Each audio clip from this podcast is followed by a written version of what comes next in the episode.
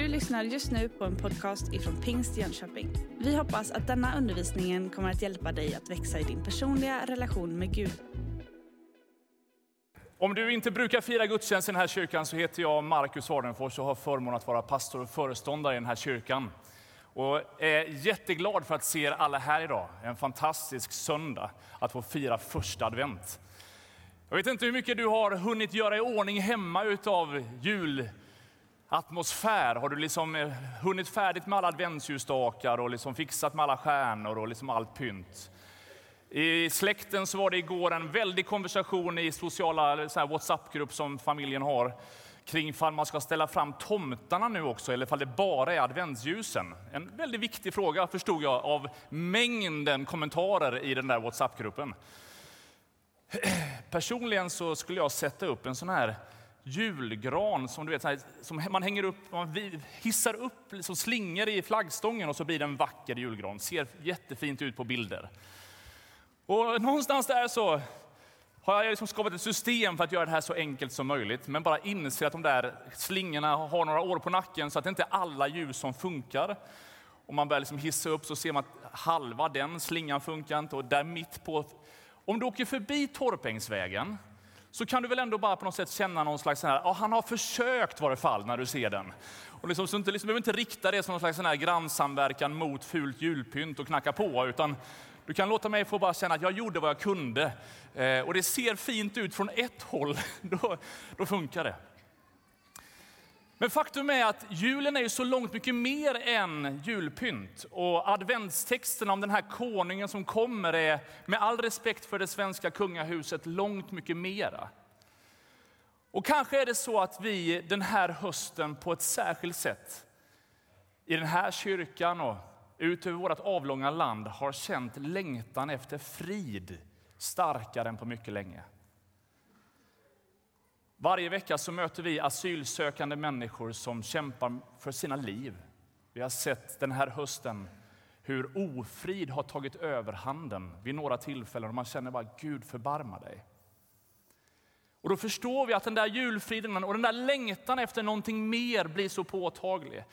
Och då handlar det inte om att liksom, ska vi ha kotletter eller prinskorvar eller ska vi ha Janssons, utan det går mycket djupare än så. Längtan efter frid, av fred, av helande. Kanske är det så att du, likt Mattias bad i den här bönen alldeles nyss, just nu går igenom en säsong i livet som trots allt julpynt ändå är liksom en kamp kring just lugn och ro och frid. Jag skulle önska att du kunde ta till dig bibeltexterna som vi läser. Och någonstans kan vi känna igen oss med det israeliska folket. På den här tiden när de här texterna utspelade sig så var man ockuperad av den romerska makten. Så det fanns en enorm längtan efter att det som Gud hade sagt utav att de skulle få ett eget land, att de skulle få bli fria. Det var inte bara det att de längtade efter ett land och en egen kung, utan de hanterades som andra klassens medborgare. De räknades inte riktigt som alla andra. Och man kan bara ana hur djupt det satt i dem, den här friheten att få utöva sin tro. En frihet efter att få tillbaka sin värdighet. Och därför så blir liksom Messias orden, längtan efter befrielse så tydlig och påtaglig. Och I Jesaja kapitel 9 så står det så här.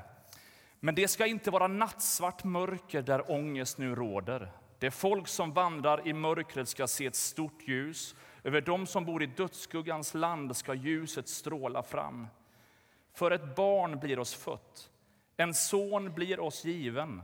På hans axlar vilar herradömet och hans namn är under, rådgivare, mäktig Gud, evig fader och fridsfurste.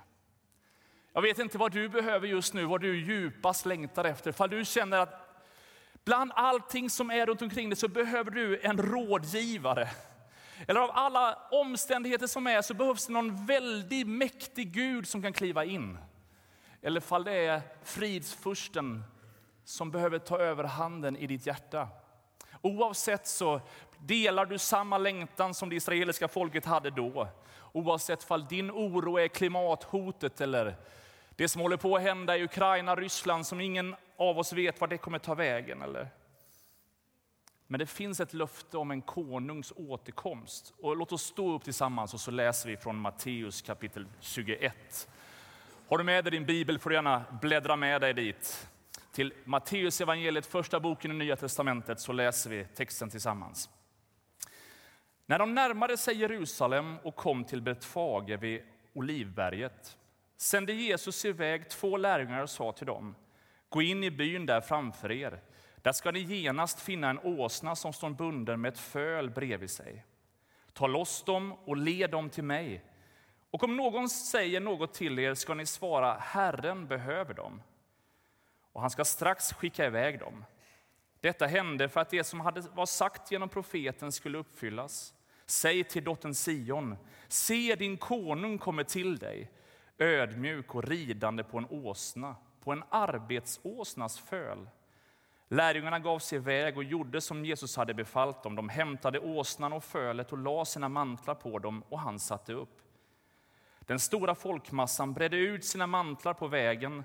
Andra skar kvistar från träden och strödde på vägen. Och folket, både de som gick före honom och de som följde efter, ropade Hosianna, Davids son. Välsignade han som kommer i Herrens namn.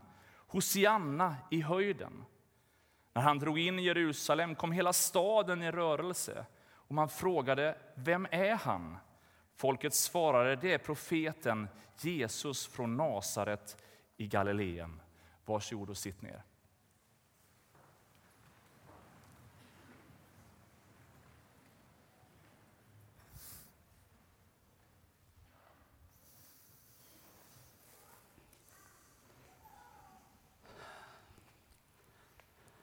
Alltså, till en början så var jag faktiskt arg. Men det var någonting som hände i det där ögonblicket. Något som fick mig att ändra mig. Det kom två män emot mig med mina åsnor. Och så helt plötsligt började jag lossa av ett av mina föl. Och jag blir ju helt, jag blir helt frustrerad så jag går fram till dem och bara säger, vad håller ni på med? Och de säger, Herren behöver det. Och jag blev helt paff, så jag kunde inget annat än att bara låta dem använda det. Låt dem använda mitt föl. Så såg jag hur det gick iväg med min åsna. Och sen så växte en sån där nyfikenhet i mig så jag började liksom smyga lite efteråt för jag behövde liksom se vad som hände. Liksom den där känslan man får. Och så såg jag hur det la mantlar på det. Och mästaren satte sig upp på det. Min åsna. Tänk dig mästaren. Sedan reda mot Jerusalem och folket samlades. Människor la ut sina mantlar, mantlar. Folk skar av kvistar från träden och strödde dem på vägen. Och alla började ropa bara Hosianna! Välsignad han som kommer i Herrens namn. Hosianna höjden! Och alla, är så, alla tjoar och kimmar och det är sån stämning. Det var helt underbart. Och det var då det slog mig. Ända sedan jag var liten hade jag läst från profeten Sakarja Fröjda dig stort, dotter Sion, dotter Jerusalem. Se, din kung kommer till dig, rättfärdig och segerrik. Han kommer ödmjuk, ridande på en åsna, på en åsninnans föl. Och nu fick jag se det ske framför mina ögon. Tänk, min åsna, mästaren.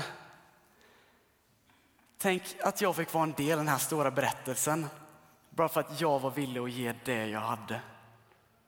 Välsignade han som kommer i Herrens namn. Vi har ingen aning om vad han hette. Vi har ingen aning om egentligen exakt vart han bodde eller vad det var som gjorde att han blev den som fick låna ut sin åsna.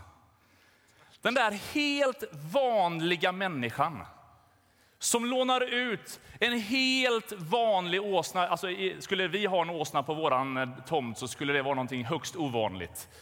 Men på den här tiden så var, hade ju alla åtminstone en, kanske flera åsnor. Det var inget revolutionerande.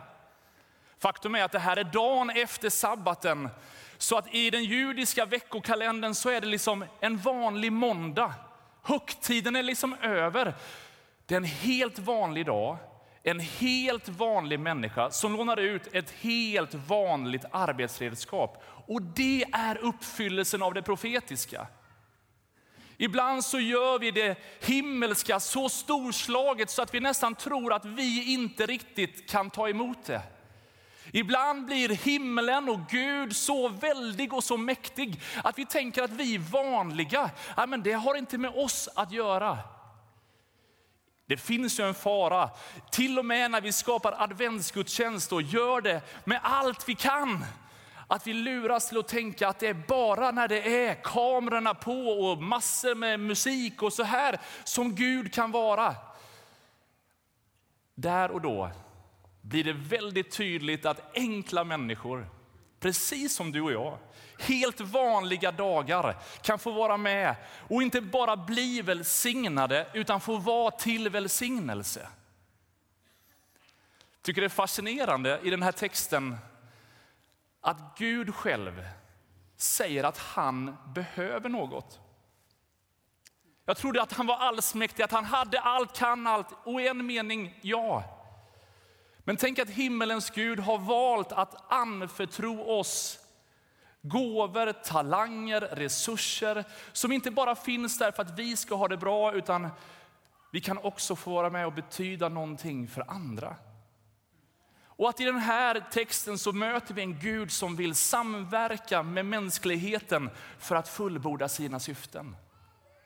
Så när du tittar på ditt liv och på något sätt ser dig själv i spegeln så hoppas jag att du förstår att oavsett hur många andra som känner till dig så är du känd utav Gud. Och det som han har skapat dig till vill han använda, tala och beröra och välsigna både dig och de som du möter. Alldeles för många gånger så tror vi alldeles för lite om oss själva.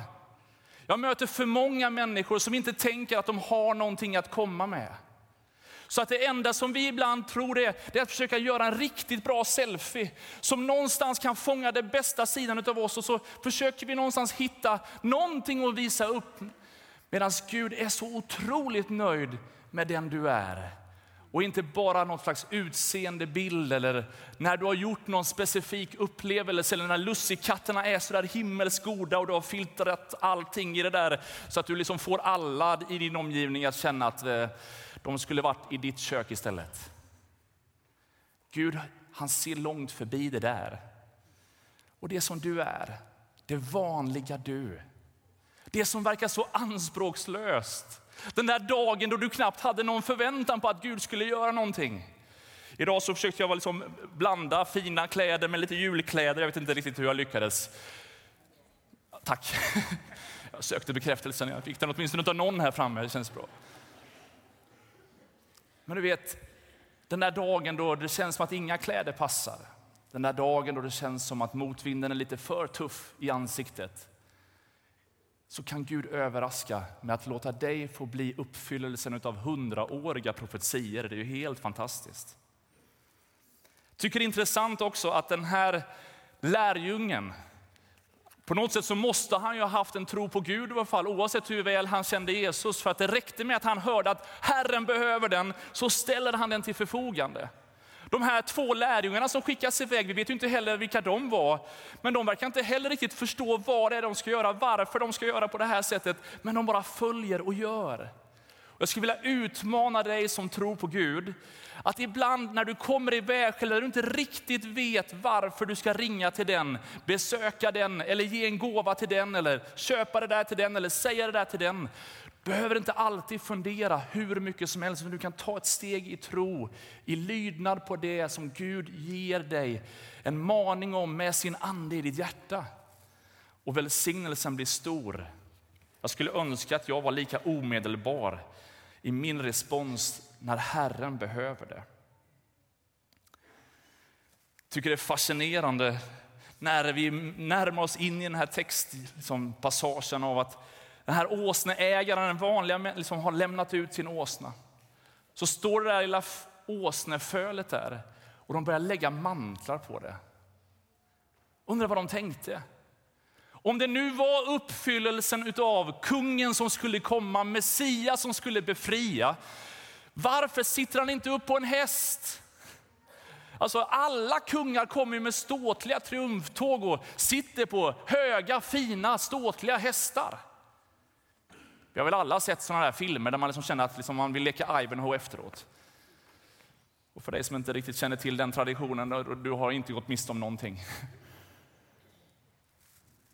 Men en åsna symboliserade i det fallet att han kom inte för krig, utan för fred.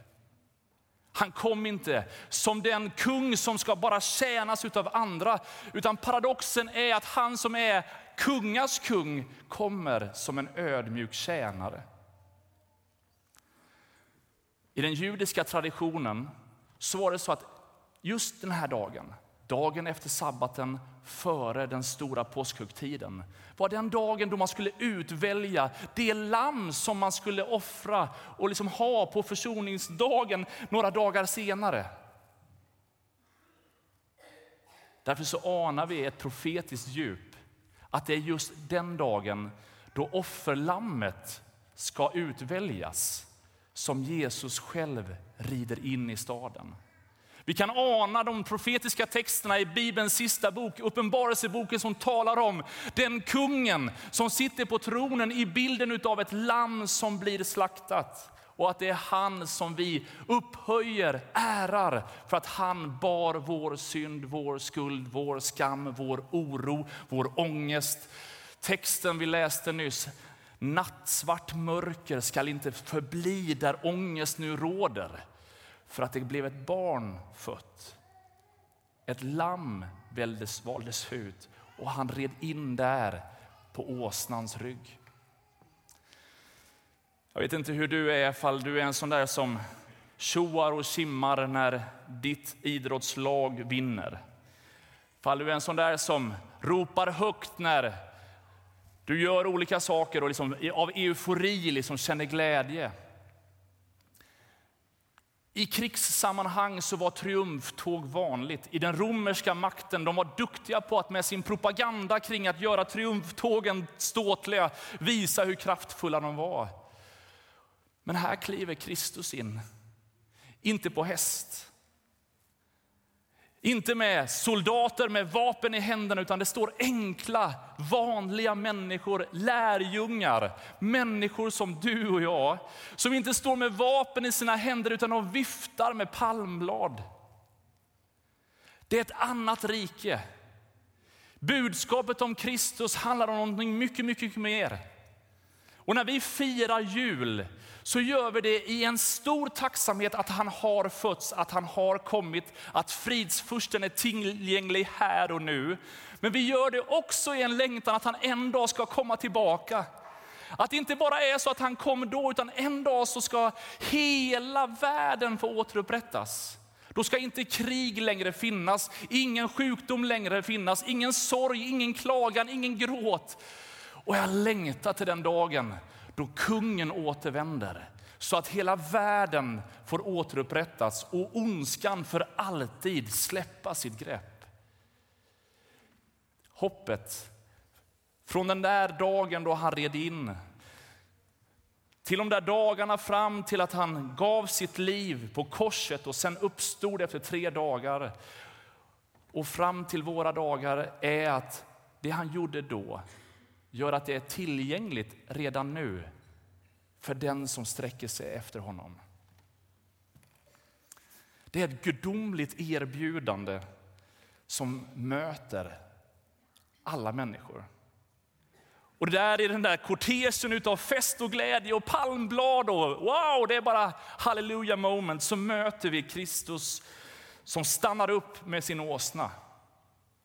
Kliver av åsnan och vi läser i de andra evangelietexterna hur han böjer sina knän och han gråter när han ser staden.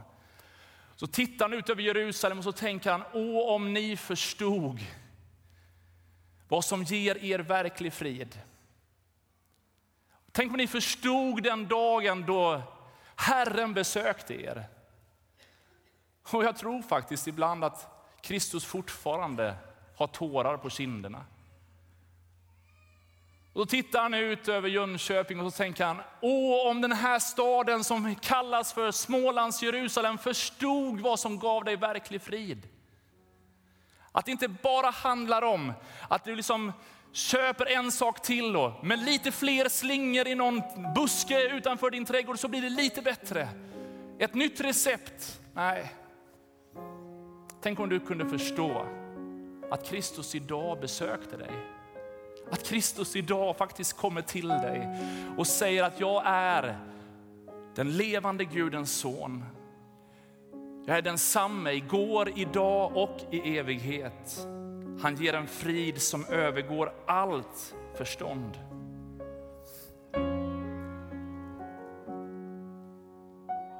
Kristoffer sjöng precis innan predikan om att göra portarna höga.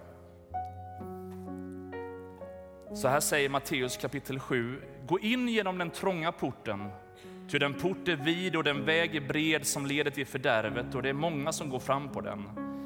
Och den port är trång och den väg är smal som leder till livet och det är få som finner den.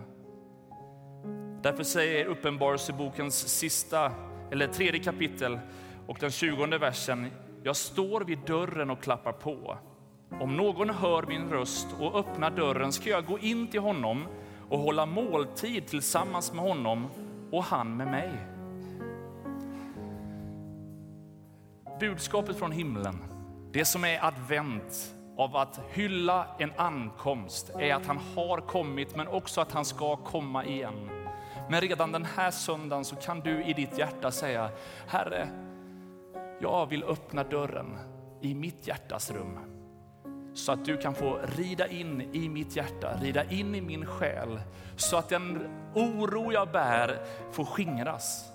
Att det mörker jag upplever runt omkring mig får skingras.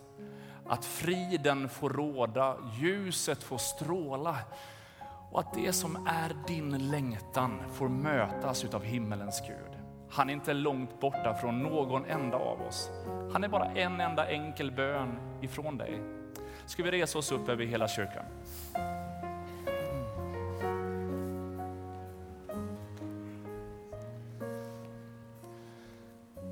Oavsett hur väl du känner Gud eller inte så kan du bara där du står och bara blunda en liten stund och fundera över ditt liv. Vad längtar du efter? Vad är det du behöver? Tack Jesus. De där lärjungarna längs med Jerusalems gator, de bestämde sig för att lägga ner sina mantlar och börja vifta med sina palmblad. Och sen tog de mun, liksom, orden i munnen av att säga Hosianna, Davids son. Här kommer han som är uppfyllelsen utav det vi har hört om sedan vi var små.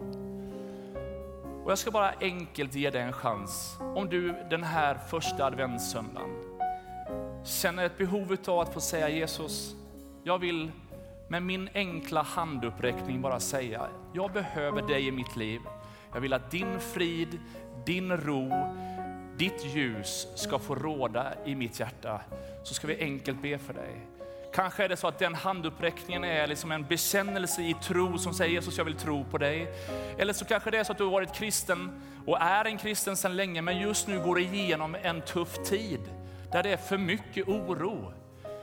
Om du vill att vi ska be en enkel bön utav att fridsfursten ska få kliva in i ditt hjärta så kan du bara räcka din hand där du står just nu som ett enkelt tecken. Den friden, det ljuset behöver jag. Bara sträck den till Jesus där du står ska vi snart innesluta er alla i förbön. Vi bara är i bön över hela kyrkan och Gud välsigne varje hand som räcks upp. Gud vet precis orsaken till varför du räcker din hand. Och nu får vi be att Gud bara får kliva in. Är det någon mer som säger bara be för mig? Så sträck din hand likt lärjungarna viftade med palmbladen så kan du bara få lyfta din hand och säga Jesus, rid in i mitt hjärta. Låt din frid få råda i min själ. Gud välsigne varje hand som räcks. I Jesu namn. Låt oss be tillsammans. Herre, jag tackar dig för förmånen att den här söndagen få sjunga om dig, läsa om dig. Och jag tackar dig Fader för att din ande är verksam i det här rummet. Tack för att du är en Gud som överallt där människor sträcker sig efter dig, då är du där för att komma oss till mötes. När vi närmar oss dig, närmar du dig oss. Herre, vi har ditt löfte på det. Och nu bara ber jag dig för varje hand som har räckts. Du vet, fall det är sjukdom eller familjesaker eller arbetssaker eller vad det är som är oroligt som gör att man behöver ett ingripande, en frid från dig. Och Herre, jag tackar dig för att den här söndagen så vänder du dina ögon till oss, ditt ansikte möter oss. Och i ögonkontakten med dig så fyller du oss med din förblivande frid, Herre. Och jag tackar dig för att du välsignar resten av den här dagen. Att vi likt den här åsneägaren inte bara får frid i våra hjärtan för vår egen skull, utan vi kan få vara bärare utav dig. Vi kan få vara med och ge utav det vi har för att fler ska kunna förstå vem du är. Herre, vi ber om din välsignelse i Jesu namn. Du har just lyssnat på en podcast ifrån Pingst Jönköping. För att få reda på mer om vilka vi är och vad som händer i vår kyrka så kan du gå in på pingstjonkoping.se eller följa oss på sociala medier via pingstjkpg.